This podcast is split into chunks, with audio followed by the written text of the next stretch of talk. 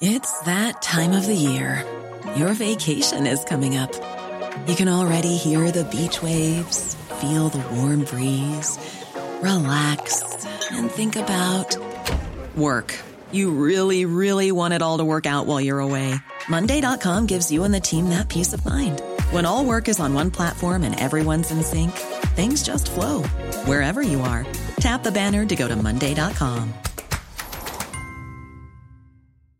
Jewelry isn't a gift you give just once. It's a way to remind your loved one of a beautiful moment every time they see it. Blue Nile can help you find the gift that says how you feel and says it beautifully with expert guidance and a wide assortment of jewelry of the highest quality at the best price. Go to BlueNile.com and experience the convenience of shopping Blue Nile, the original online jeweler since 1999. That's BlueNile.com to find the perfect jewelry gift for any occasion. BlueNile.com.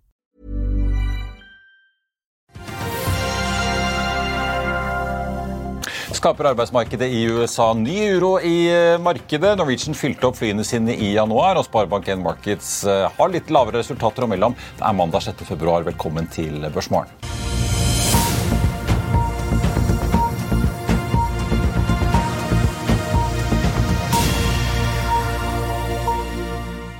Riktig god morgen alle sammen, og velkommen til Børsmorgen her hos oss i Finansavisen. Mitt navn er eh, Marius Thorensen, og med meg har jeg aksjekommentator Karl Johan Månes. Vi får eh, straks med oss forvalter Lars Semme Målen Johansen i Global Assets. På Wall Street eh, på fredag endte jo litt surt da, etter disse ganske overraskende sysselsettingstallene for januar måned. Mer om de straks. Vi har sett også at stemningen i Asia heller ikke har vært så god på starten av uken. Det japanske markedet var litt opp, men derimot, men vi så da de kinesiske indeksene tikke ned inntil 3 Her eh, hjemme venter vi også et fall fra eh, start, får vi si, når børsen nå åpner om noen veldig få minutter. Oljeprisen så vi under 81 på fredag, men har hentet seg inn i hvert fall i eh, spotmarkedet de første timene nå denne uken. Ligger opp nesten prosenten på nordsjøoljen til 80 dollar og 50 cent. Den amerikanske lettoljen også opp en halv prosent til 73,80. TGS har signert en kontrakt for 4D-undersøkelser i Mexicogolfen med en varighet på 100 dager. Det melder seismikkselskapet. Oppstart blir i tredje kvartal. Så var det jo, som jeg var inne på, Sparebank1-gruppen som er ute med sine tall. Fikk et resultat da før skatt på 223 millioner i fjerde kvartal, ned fra litt over 600 på samme tid året før. Årsaken til eh, nedgangen er da finansinntektene i forsikringsselskapene, som er betydelig lavere da i fjerde kvartal i 22, grunnet svake aksjemarkeder og økte renter, samt nedskrivning av investeringseiendommer. Vi skal straks eh, se på trafikktallene fra Norwegian, som også har eh, kommet på morgenkvisten. Men først må jeg bare vise et litt eh, historisk bilde, hvis vi kan få opp det på skjermen her, fra da tampen av forrige uke. Her er en skjermdump jeg tok på fredag ettermiddag. Da var leasingselskapene nemlig allerede i gang å rydde får vi si, etter konkursen og hentet det første av Flys tolv fly i flåten da etter konkursen. LNDYI, som flyet er registrert som, tok av fra Oslo lufthavn med retning Norwich i Storbritannia. Så ryddejobben den kom fort i gang, den, Karl Johan. Kapitalismen er brutal. Ja. Og, morgen. Ja, men det, Norwegian har jo kommet med gode tall her, da, trafikktall for januar. Ja, ja altså, Nå var det ikke veldig mye trafikk hos Flyr i januar, Nei. men dog, eh, vi så Norwegian-aksjen tikke ganske mye oppover forrige uke i det kjølvannet her, og nå er januartallene ute, som du var inne på. Load-faktor opp med 10% fra 73 til 83 og, og nei, eh, eh, load, load, factor eh, fra 69,5 til 77,7. og unit revenue opp fra 0,41 til 0,56.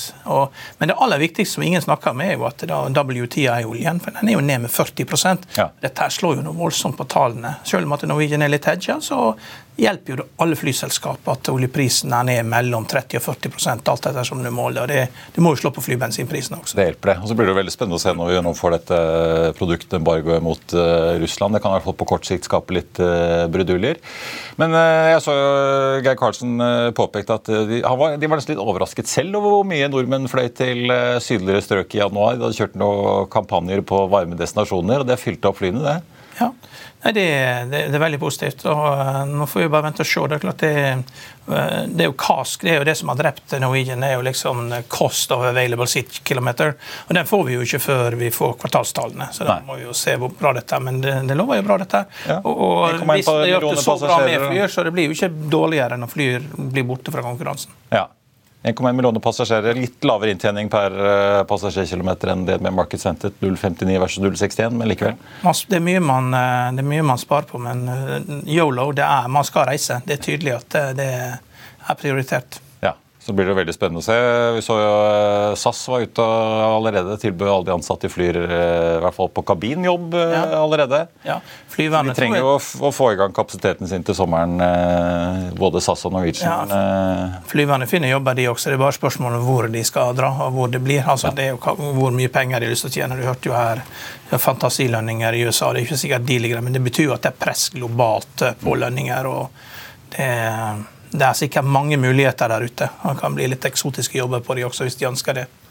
Så Det mangler jo piloter. Kan sikkert fly i Karibia nå, hvis man er heldig. Ja. Jeg tenkte på, Nå har ikke Norwegian vært ute og kjøpt disse 12, eller noen av disse tolv flyene fra Flyr, men det kan jo være at eh, de tar en loop innom leasingselskapet og kanskje kommer ja. tilbake til Norwegian eh, likevel. Ja. Vi får se. Veldig bra. Vi skal ta inn eh, dagens gjest. Handelen på Oslo Børs den er så vidt i gang. Vi er straks tilbake rett etter dette. Vil du bli oppdatert på det viktigste som har skjedd innen finans og næringsliv? Da er det bare å følge med, for hver morgen er jeg, Marius Lorentzen og aksjekommentator Karl Johan Malnes på plass i studio for å ta tempen på dagens marked i Børsmorgen. Og hver ettermiddag oppsummerer vi alt du trenger å vite i økonominyhetene, og det blir selvfølgelig masse interessante gjester. Klikk deg inn på fa.no-tv, eller søk opp Børsmorgen og Økonominyhetene der du hører på podkast.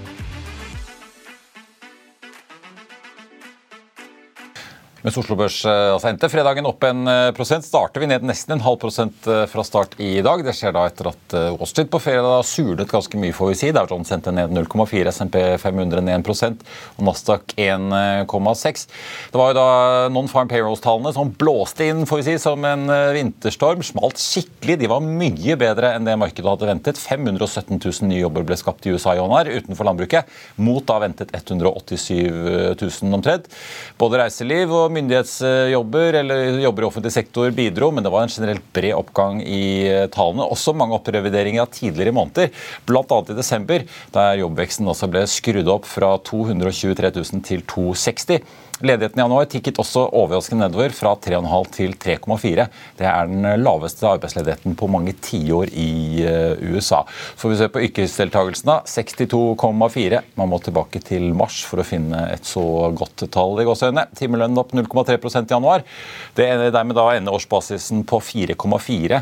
Det er da en nedgang fra lønnsveksten på årsbasis i desember på 4,6. Da skal vi ønske velkommen til eh, dagens gjest. Lars Heim Månen Johansen, forvalter i Global Assets. Tusen takk. Tusen takk. God mandag morgen og velkommen. Eh, vi skal snakke om fondet ditt eh, om ikke så lenge, men først litt om markedet og hva du tror disse tallene her vil ha å si. Vi har jo sett litt sånne kioskveltere på Non-Farm tidligere, men det var et par på fredag virket som, som begynte å lure på hva i alle dager skal Jerome Powell og Fed gjøre nå på neste rentemøte i mars.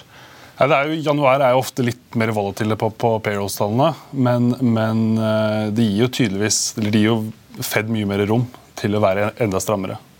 Men eh, jeg vil jo si det er jo, de tallene er jo ganske i tråd med eh, i hvert fall det jeg ser, da, at, at, man går mot en soft landing. Det er i hvert fall det tallene tilsier. Men meget sterke arbeidstall gir jo Fed muligheten til å øke rente, og det er nok det vi ser i markedet nå. At, at de gir de mer rom for å, for å tighte til begynner folk tror du, å få panikk og ikke vil inn, være i aksjer likevel? Det vet jeg. Paul har jo sagt at det, det skal være smerte, dette her. og mm. uh, I morgen skal han bli intervjuet av sin tidligere kollega Ruben Stein. Det, han er jo veldig flink til å få folk til å si ting de ikke burde si.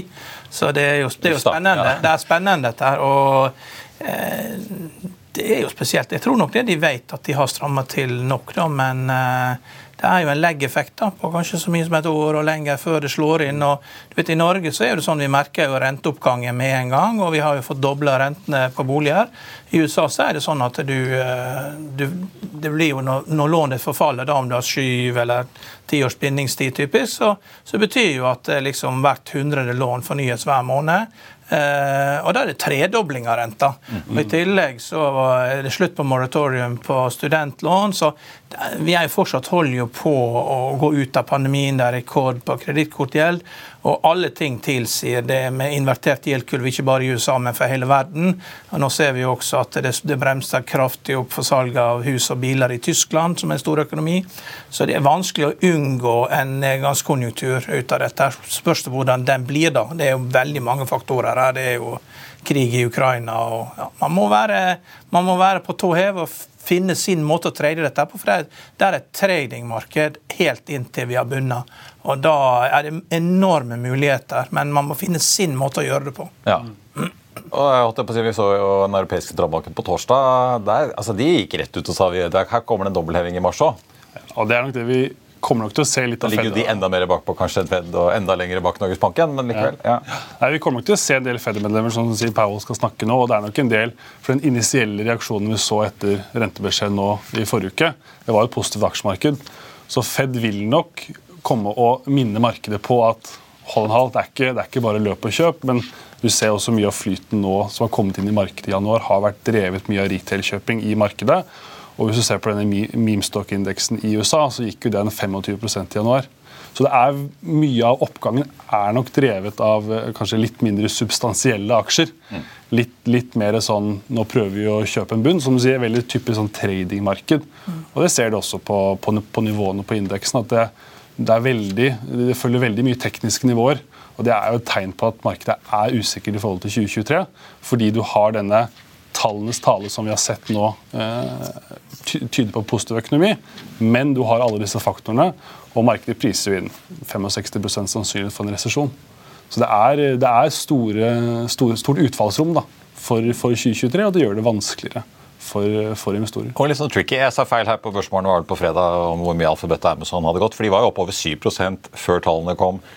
Eh, torsdag kveld, var det vel. Eh, og så sustrer rett ned i etterhandelen. Og, ja. Så det, liksom, det, er jo ganske store utslag også på de store, for vi ser jo de mm. små som uh, lar seg inn på. Men ja, men vi, vi sa jo også på sendinga at det var bare en aksje sikker på hvor den skulle gå. Det var Amazon. Ja. Så at den gikk ned, og den falt jo med 8% og Kanskje et så stort selskap som ikke har ambisjoner om å tjene penger. Altså, og, og, han har jo alltid hatt som motto Jeff Bezos at 'your margin is my opportunity'. Ja. Men på et eller annet tidspunkt så må jo det ta slutt. Mm. Kan ikke drive og ha eh, liksom 500 milliarder i omsetning og ikke tjene penger. Det går ikke, det. Det, det, det tar slutt, må ta slutt en dag. Mm. Du, Lars, eh, skal vi snakke litt om fondet ditt? Ja. Jeg vet ikke om du kaller deg selv eh, gründer, men vi har jo snakket med Karl Oskar Strøm, som gikk ut og startet eget fond. og Dere startet i fjor høst? Ja, altså Selskapet har eksistert noen år, men vi startet opp fondet da eh, 28.9. Ja. Nå i fjor. Og det er, det er ganske nytt. Kaller du det et faktorfond? Hedgefond? Ja, Det er jo et eh, på en måte, faktorfond med eh, aktiv volatilitetshedge. Ja. Så vi blir eh, klassifisert som hedgefond nå, da. Og forklar det for de som ikke er, eller liksom faktorinvestering ja. for de som ikke er helt inne i finans... Ja, ikke sant? Glosserien, holdt jeg på det. Måten, måten, vi forholder oss til, er at vi eh, alle har på en måte ting de ser på i markedet. Noen er value-investorer, hvor de ser på, på måte, prising på selskapene og substansiell verdi. Andre ser mer på vekst, hvordan går selskapene, og, og så har du momentumsfaktorer. Vi deler da markedet opp i ti forskjellige faktorer, hvorav value, eh, vekst og, og momentum er noen av de faktorene.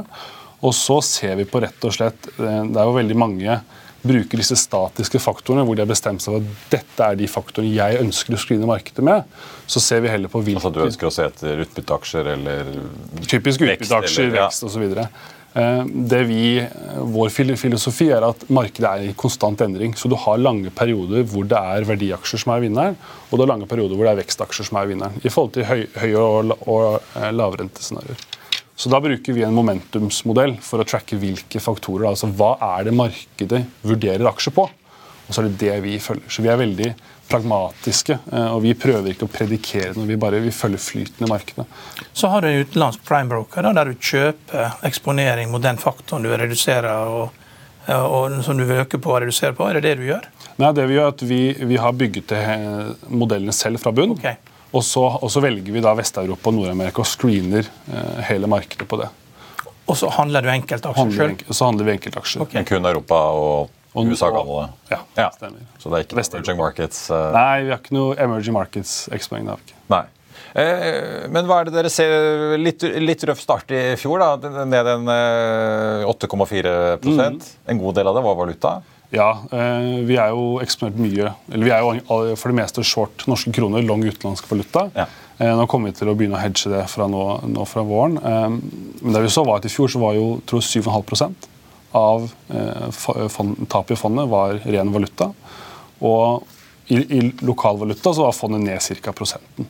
Så det gir på en måte trygghet for videre å se at modellen funker når man har satt den ut i livet live, og at det er andre ting som valuta som har styrt mye avkastning i det korte bildet. Og så har det vært positivt nå. Vi lå veldig mye long europeiske aksjer i januar. Eh, euroen gikk ganske mye, mye, mot norske kroner. Og så har vi nå eh, overført mye av kapitalen over til USA. Da. Så eh, dollar norske lå ganske flatt i januar.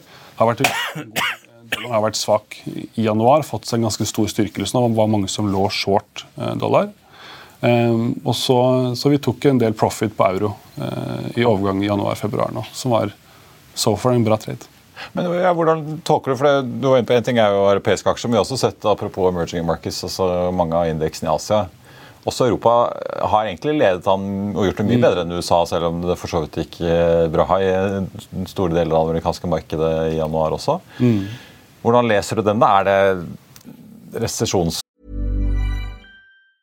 Jewelry isn't a gift you give just once. It's a way to remind your loved one of a beautiful moment every time they see it. Blue Nile can help you find the gift that says how you feel and says it beautifully with expert guidance and a wide assortment of jewelry of the highest quality at the best price. Go to BlueNile.com and experience the convenience of shopping Blue Nile, the original online jeweler since 1999. That's BlueNile.com to find the perfect jewelry gift for any occasion. BlueNile.com.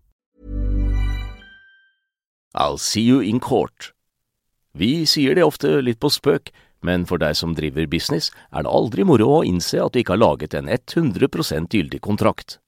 Du bør ikke risikere hele firmaet ditt fordi du synes dette med kontrakter er litt stress. En avtale er ikke en avtale. Du kan miste kunder, miste venner, ja, til og med miste inntekter om du ikke lager en skikkelig kontrakt, på alt mulig, egentlig. Men vi vet det er et styr, kopimaskiner, treg printer og haugevis av papir. Dessuten stoler vi jo på folk her i landet. Det er ofte litt kleint å skulle be om en signatur for alt mulig, ja, for mye av styret handler også om jakten på underskriften.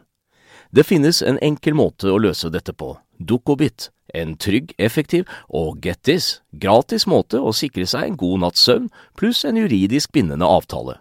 Dukkobit-appen har de strengeste sikkerhetskrav i bunn, samt en EU-godkjent og sertifisert teknologi. Framover vil det bli behagelig å spørre du, skal vi skrive under på det, eller? Kom i gang på dokobit.no. Frykten som altså, Tror ikke folk at det blir så ille som man trodde, eller er det eh, jeg tror jo at man har jo fått en, eh, man har hatt en periode styrkelse i dollar. Uh, utenom den siste tida hvor du har hatt en svekkelse. Og ofte sterke dollar er jo ofte negativt for emerging markets. vil jeg si, For mye av deres lån og, og giring er jo denominert i dollar. Så styrkelse i dollar vil være svak for dem hvor vi har hatt en liten svekkelse i dollar, vi gikk jo fra en euro-dollar på under 1 til opp til 1,10, så ville det være positivt for emerging markets. Mm. Så den kan jo ta en pause litt fremover nå, hvis du får uh, return of king dollar. Ja, ja. Hva, tror dere om året i år uh, videre, da? Det er jo uh, det var jo ganske brutalt for en god del uh, Tech og vekstaksjer i fjor. Ja. I hvert fall hvis man satt på Nasdaq. Uh, mm. Nei, 2023, Energi var jo det store hotte i mm. fjor. Og det er det du ganske tydelig vil jeg se, ser nå i januar.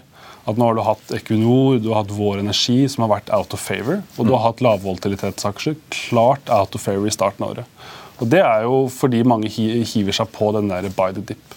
Men de, fundamentale tallene for året er, skaper ekstremt stor uh, utfallsrom. Fordi uh, jeg har regna på at hvis du, hvis du baserer deg på en 5,1250 i Fed Funds-rente, som er medianen som de guider på dotplot, så skal du ha en PE på SMP 500 på 17. Nå ligger vi ca. på 19. Så alt avhenger av hvor, hvor, vi ender i 2023, er helt avhengig av earningsen i selskapet, som er rett og slett drevet av økonomien. Og Vi har 65% sannsynlighet for resesjon, ifølge de som blir spurt av Bloomberg. Så hvor vi ender hen, er usikkert. Eh, men tallene som vi har fått, så, så langt i år peker mot soft landing. Så får vi se.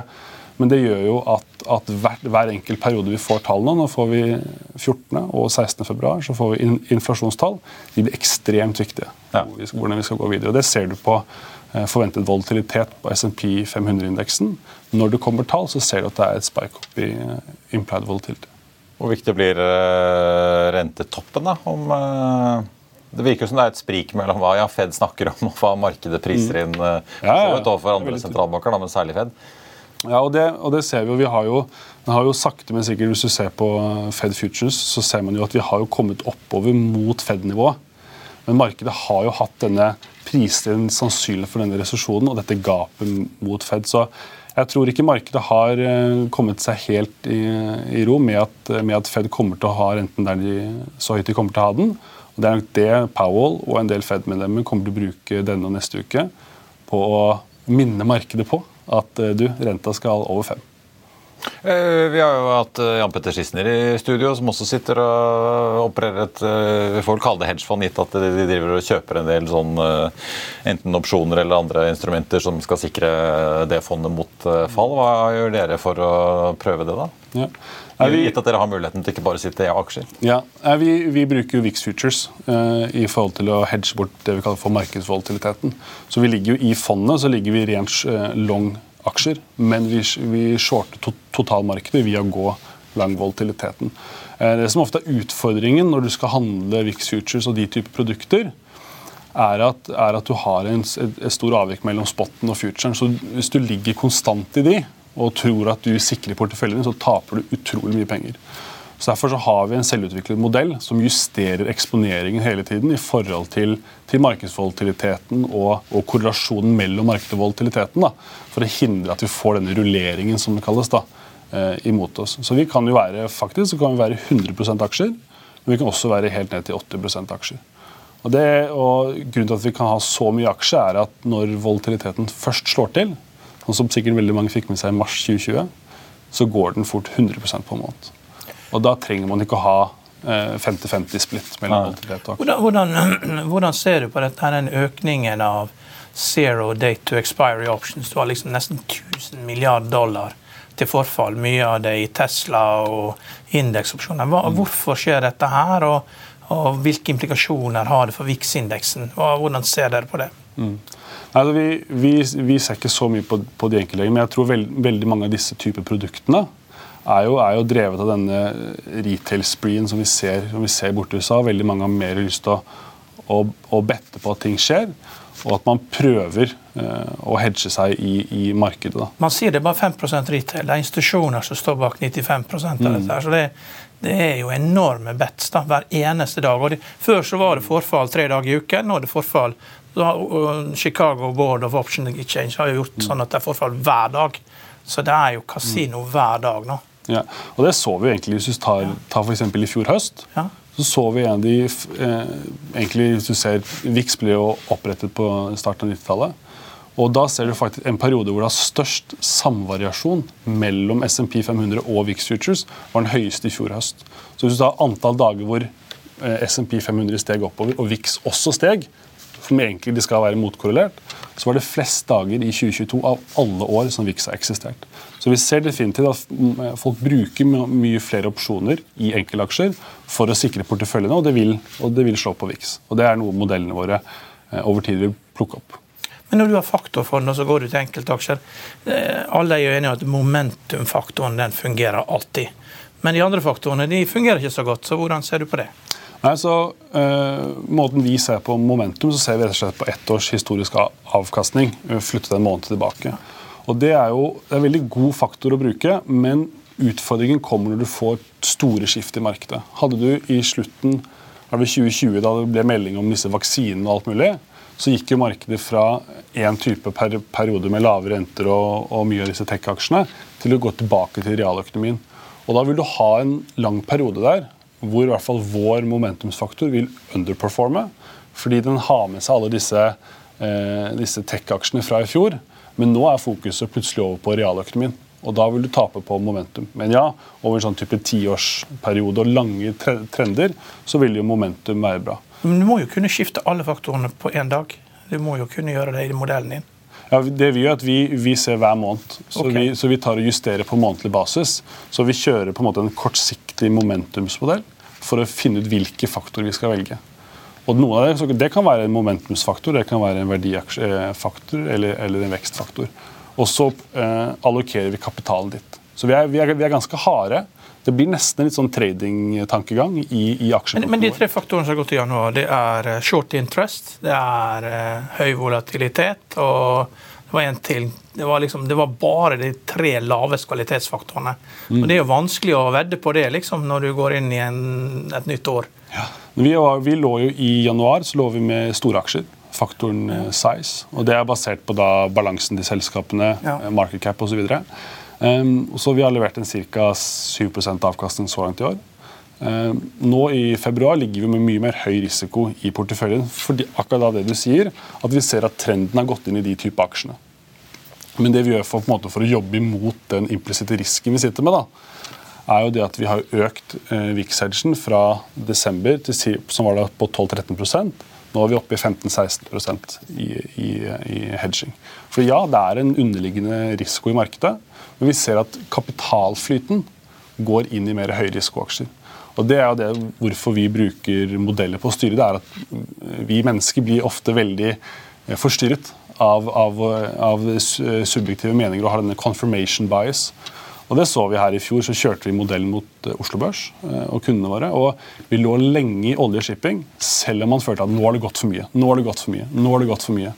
Men vi gikk jo første halvår opp 15-20% og og Det var fordi man klarte å holde på de aksjene som, som, som gikk over. Hva slags utslag gir det type på Oslo Børs her hjemme? Er det ut av Hydro og Telenor og den type ting? Eksempelvis. Ja. Så vi lå jo i, i, eh, i, januar nå så lå vi med Telenor, vi lå med DNB, vi lå med Hydro, vi lå med Volkswagen. De store, tunge aksjene. Nå, nå, I februar ligger vi jo, har vi faktisk tatt inn Carvana i USA, en veldig sånn typisk sånn meme-stokk-aksje. Så har vi tatt inn mer, for Nå har vi eh, høy inntjeningsvariasjon som vår faktor. og Det er jo selskaper som er mer, skårer veldig lavt på kvalitet. Da. Eh, så nå er vi jo i Galaxy Holding, Marathon Digital og en del av disse mindre aksjene. Mer høyvolatile aksjer. I og med valutaen er så viktig på kort sikt. Jeg hadde en kunde i USA som ja, de fant ut at de brukte så mye tid på å diskutere valuta med kunder, selv om det var et globalt fond, at eh, de bare sa at dette er det umulig å bli, eh, finne en løsning på. Noen, ja. noen liker vaniljeis, andre liker sjokoladeis. Ja. Vi tilbyr begge to tingene, så kan folk velge. Så slipper vi å ha den diskusjonen.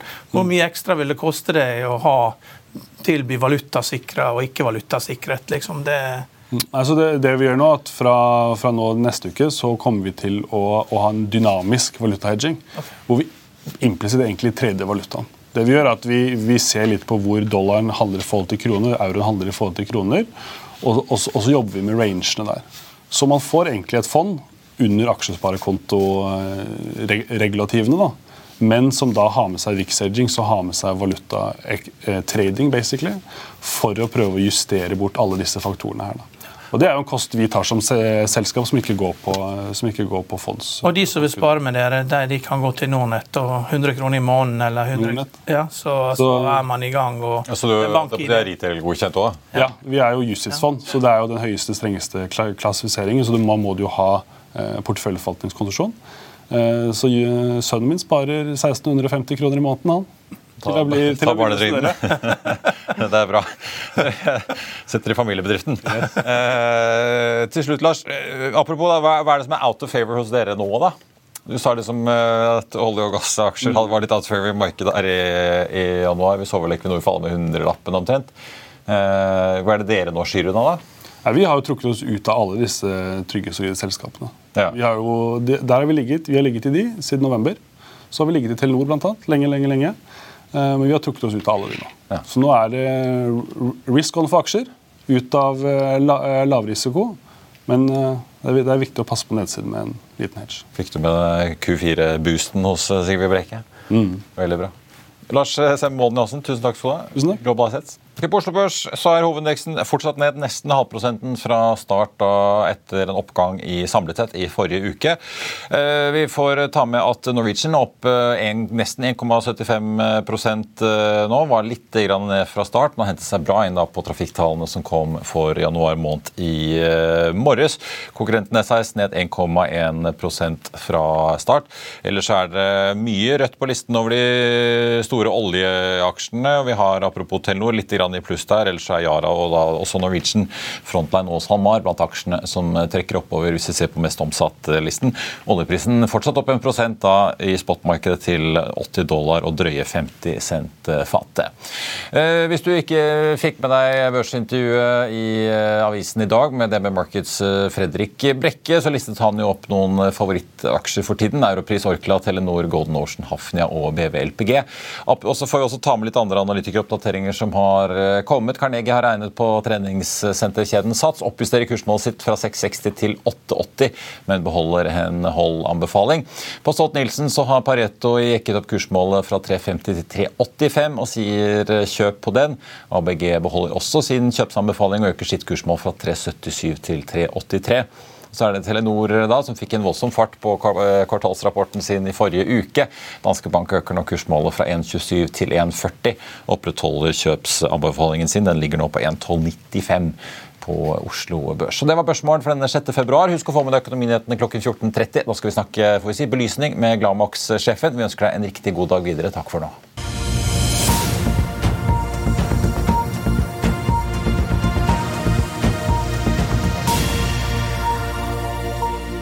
Økonominyhetene er en podkast fra Finansavisen. Programledere er Marius Lorentzen, Stein Ove Haugen og Benedikte Storm Bamvik. Produsenter er Lars Brenden Skram og Bashar Johar. Og ansvarlig redaktør er Trygve Hegnar.